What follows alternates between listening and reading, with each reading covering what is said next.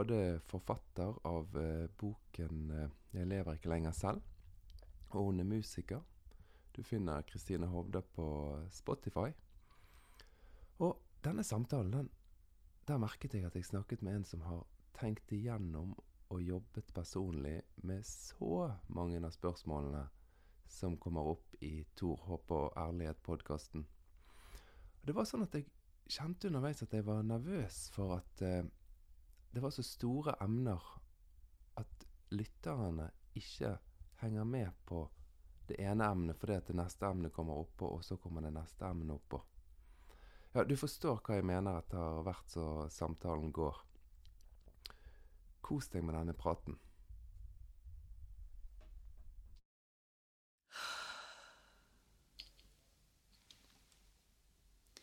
Well, I don't want milk and honey for just me and you. I need a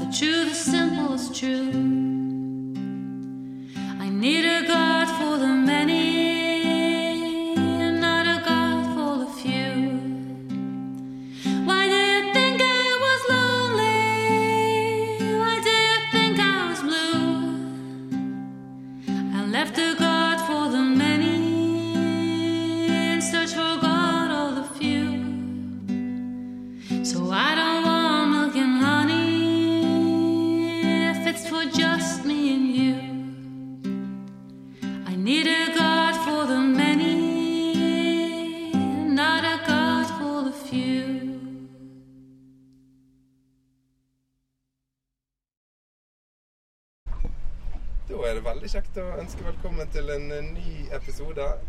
Tor, håp og ærlighet-podkasten. Fortsatt på tur, fortsatt på turné. Veldig hyggelig. Og eh, i dag er det faktisk en gjest som har tatt bussen for å møte meg ved Bryggen i Kristiansand. Jeg har fått lånt en båt, så vi sitter her i solskinnet og nyter bølgeskvulp og måkeskrik. Og den gjesten som kom, det er Kristine Hovde. Velkommen. Tusen takk. Ja. Hvordan var bussturen? Den var um, upåklagelig, må jeg si. Ja, er det fint? Ja. Ja. Eneste var at det var ikke det var, ikke, det var sånn ekspressbuss, så det var ikke noen pause. Nei. Så jeg satt der med nesen ned på ni år, og hun hadde veldig lyst på is. Så det var en liten strek i regningen. Ja, en niåring som sitter i ro så lenge. ja, det var imponerende. Hun klarte seg bra. Ja, gikk det fint? Ja, ja. ja. Og hun nå, da? Men altså, jeg, jeg har jo foreldre som bor i Mandal, Ja. så jeg skal ned dit og ha ferie etterpå. ja. Så dette er feriestarten. Dette er feriestarten. Åh, gratulerer. Det er vidunderlig. Føles bra. Jeg, jeg har jo nevnt det så vidt til deg. Har en turné. Prater med folk om eh, tro i 2020. Um, jeg har møtt en del som har hatt veldig tydelige standpunkt tidligere, og gjerne har kommet på litt andre Landet litt annerledes etter hvert i livet. Fleste vil si at de kanskje ikke har landet, men lever og leter. Og jeg, jeg ble veldig glad når du sa at du ville også prate med meg. For jeg møtte deg i Bergen. Du skulle ha konsert. Og så fikk jeg høre at du hadde skrevet boken 'Jeg lever ikke lenger selv'. Ja. Kan du fortelle litt om prosessen på vei til den boken, og hva den er for noe? Det er et såkalt memoar. Mm. Eh, Det er ikke en roman. Det er rett og slett en fortelling, fortelling fra og om mitt liv. Eh, Og det var litt viktig for meg fordi at jeg har jo eh, vokst opp i, i kristne, i kristne miljø og i kristne sammenhenger. Og så har jeg jobba som journalist i mange år i Oslo. Og du kan si etter at jeg var et par og 20, så slutta jeg å gå i menighet. Eh, det- vil si altså typ sånn eh, pinsefri menighet. Og, i, og i etter det, i de årene etter det, så, så var jeg veldig klar over, f.eks. da jeg jobbet i Dagbladet, at det å være kristen, i hvert fall på den måten jeg hadde vært det, det var ikke veldig kult. Eh, og det var også litt sånn For at jeg skulle klare å være en, en eh, nøytral journalist, Mm. så var det en ting som jeg ikke snakket så mye om, egentlig. Men, men sluttet når du var 20, bare over natten? Ja, det skal jeg fortelle om. Ja. Eh, men poenget med at jeg sier dette, det er at det var viktig for meg at det var et memoar. Fordi jeg kjente et behov for at eh, noen må kunne være den personen som har vært en sånn type kristen i offentligheten. Ja. Eh, og den noen må kanskje være meg. ja. Fordi at jeg har nå etter så mange år eh, så mange venner som, som er i profilerte stillinger i, i Norge, og som ikke kan noen ting om disse miljøene. Nei. Så det var sånn OK, men da får det være meg da som tar den der og Mm. sier at det her har skjedd, og sånn har jeg hatt det, og dette har vært mitt liv. Ja. Um, og så Og med en gang man på en måte sier at noe er sant, så, så er det også at du sliter mange omveier når du prøver Ja. å snakke om det. Ja. Hvis du sier noe er sant. Ja. Ja. Så, så ja, altså jeg slutta ikke over natta da jeg var 20. Um, I den boka så forteller jeg jo om uh, Ja, skal så skal jeg si det veldig kort. Um, jeg slutta å gå i menighet sånn rundt ja, 3-24, og da hadde jeg i lang tid følt at det var på tide. Fordi? Eh, fordi at jeg hadde um, jeg, jeg hadde utvikla så mye angst rundt det altså, å være i et møtelokale. Jeg fikk eh, jeg, fi- jeg, det var, jeg fikk panikkanfall et par ganger da jeg var i, i jeg, Du, altså, du kjente det på kroppen? ja, ja. Det skjedde mange ganger. Så kroppen hadde på en måte sagt fra veldig lenge da, om at det her var ikke noe som jeg egentlig ville. Men hvordan hadde du reagert på det, da? Altså, hva, hva gjorde du med det? Altså, det er veldig vanskelig å forstå Når en ikke vet hva et angstanfall er, så er det veldig vanskelig å forstå hva det er. Og første gang det skjedde, så trodde jeg jo at det var et sånt demonangrep. Ja, at det var en åndelig greie? Ja, at det var en åndskamp, rett og slett. Så jeg ble jo veldig redd i tillegg på grunn av det. da. Ja. Så det tok litt tid før jeg liksom skjønte at det her er faktisk angst. Ja, for du kjempet imot den ånden som holdt på med det? Altså ehm, Første gang jeg fikk et angstanfall, da sto jeg i forbønn. Altså, jeg ble bedt for i den menigheten jeg gikk i. Eh, Og fikk sånn altså, panikkanfall som altså, jeg hyperventilerte. Mm. Eh, og da Dette skriver jeg om i boka. Mm. Og da var jeg veldig redd for at det her er et åndelig angrep. Og så fikk jeg jo gode folk å snakke med som på en måte etter hvert hjalp meg å forstå at det var ikke det det var. Det var, det var, det var et, ja, ja, you know. Ehm, men det tok lang tid for meg å kunne på en måte si at grunnen til at dette skjer, er noe som jeg kan stå for og innrømme at det er sant. Mm. Fordi jeg ville så veldig gjerne eh, leve det perfekte kristenliv. Ja. Så det at jeg fikk, den, fikk de psykiske problemene, passer så dårlig inn med, med mitt prosjekt. da. Det, det passer ikke inn i tiden din. Nei, det gjør ikke det. Hadde ikke helt tid til, til Hva gjorde du da? Hvem snakket du med? Jeg snakket vel egentlig ikke med noen Nei. en lang tid. Altså, ba Bakteppet for dette, det var jo at jeg hadde altså, jeg, jeg vokste opp i en familie på Jæren som var sånn husmenighetsfolk. Ja. Som møttes på, på Jesusvekkelsen på 70-tallet. Og Mm. var liksom samla hjemmene og veldig opptatt av liksom, menigheten er alle kristne på et sted. Og veldig sånn, det skulle være fritt, og Den hellige ånd skulle være liksom, hodet for menigheten og sånne ting. Og, um, og der jeg vokste opp, så var det ikke så mange andre sånne typer kristne. Nei. Så jeg havna nok litt i den følelsen at jeg, vi er litt alene i universet Ja. som kristne, da. Ja. Det, klart det var jo et bedehus der og sånn, og så var ikke det helt liksom stilen til mine foreldre. Og så var det på en måte folk opp med fotball og alt mulig annet. Men, men for meg da som barn og, og, og, søskene så var det veldig lite på en måte Vi hadde veldig få å speile oss i.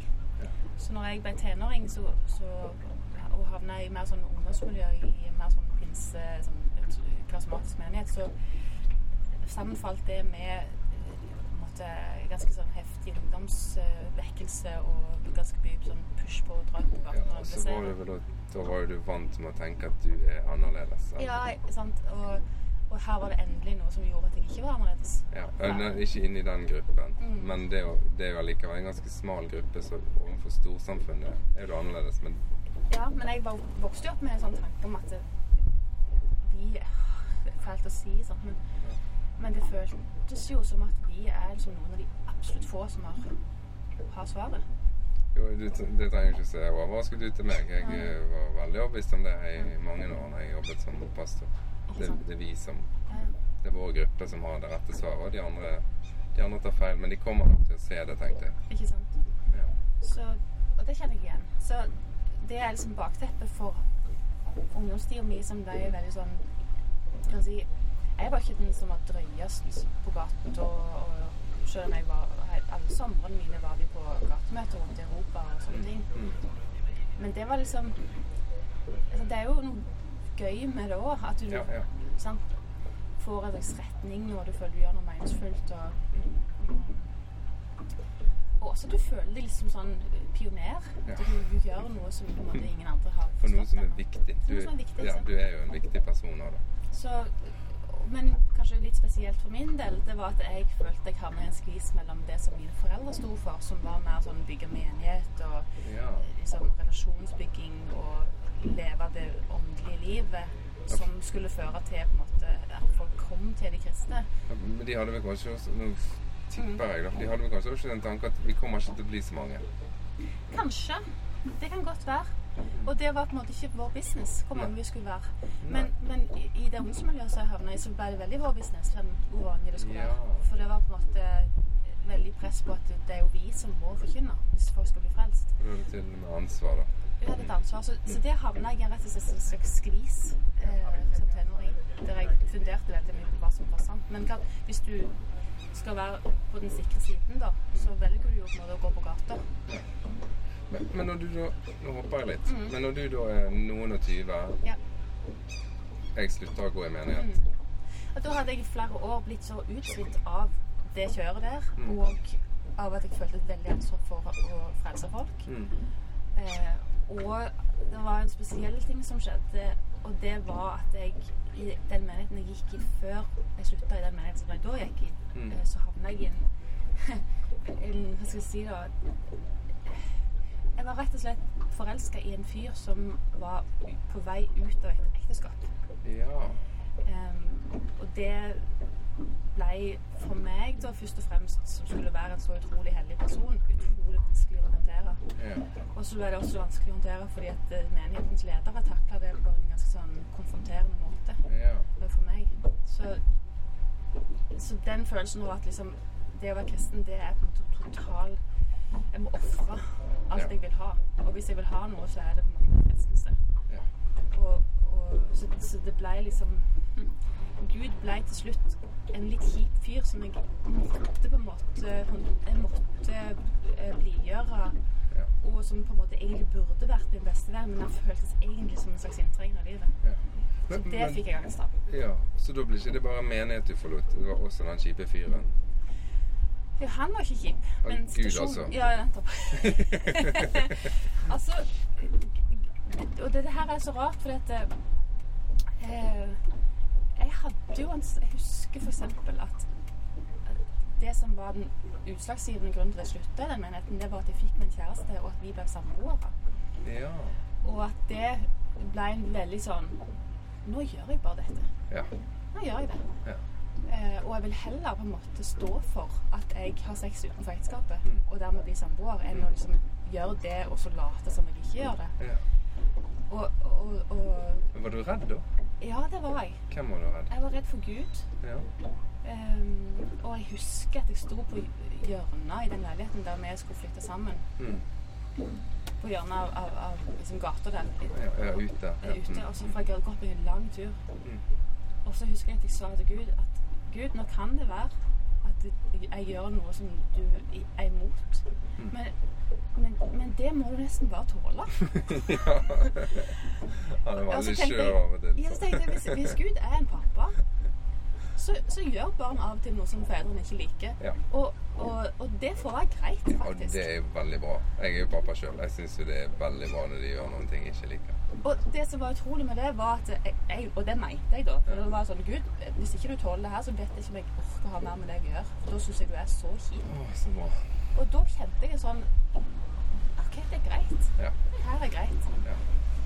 Og etter det så var ikke det, var ikke stress for meg lenger. Så synda jeg i vei. Ja, jeg bare levde, ja. Levde i synd. ja. Så det var egentlig utrolig bra. Og det var på en måte første kneppet på eh, min vei da, til å måte finne ut hva slags gud var det jeg trodde på, egentlig. ja.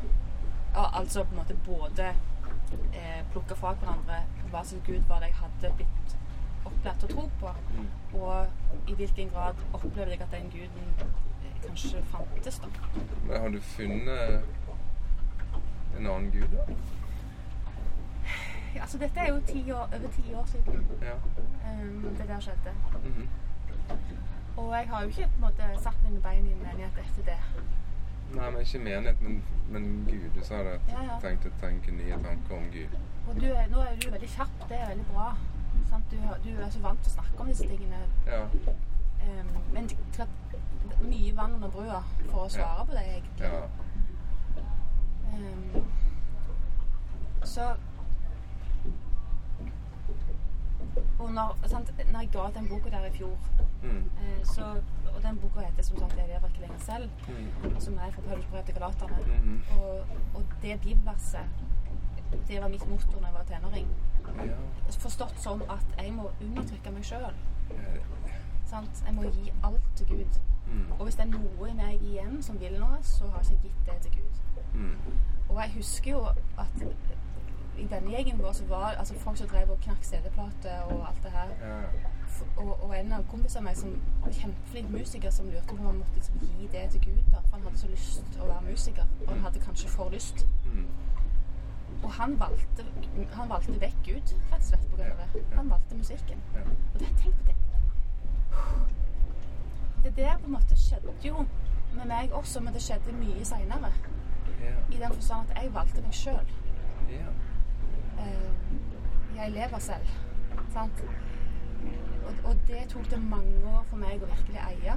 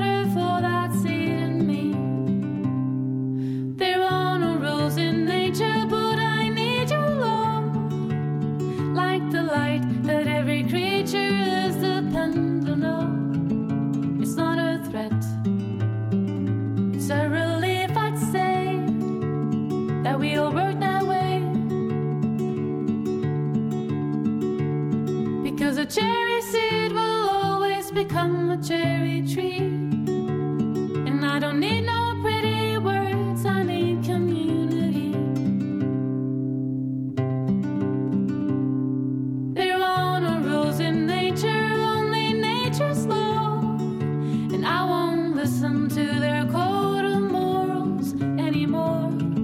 It's not a threat, it's just that we all know. Deep inside, we know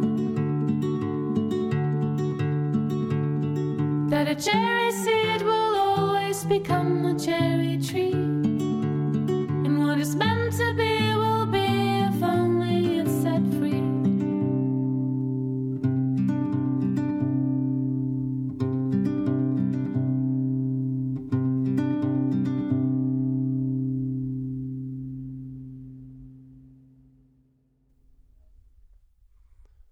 Og der bestemte jeg meg for at der stopper denne episoden.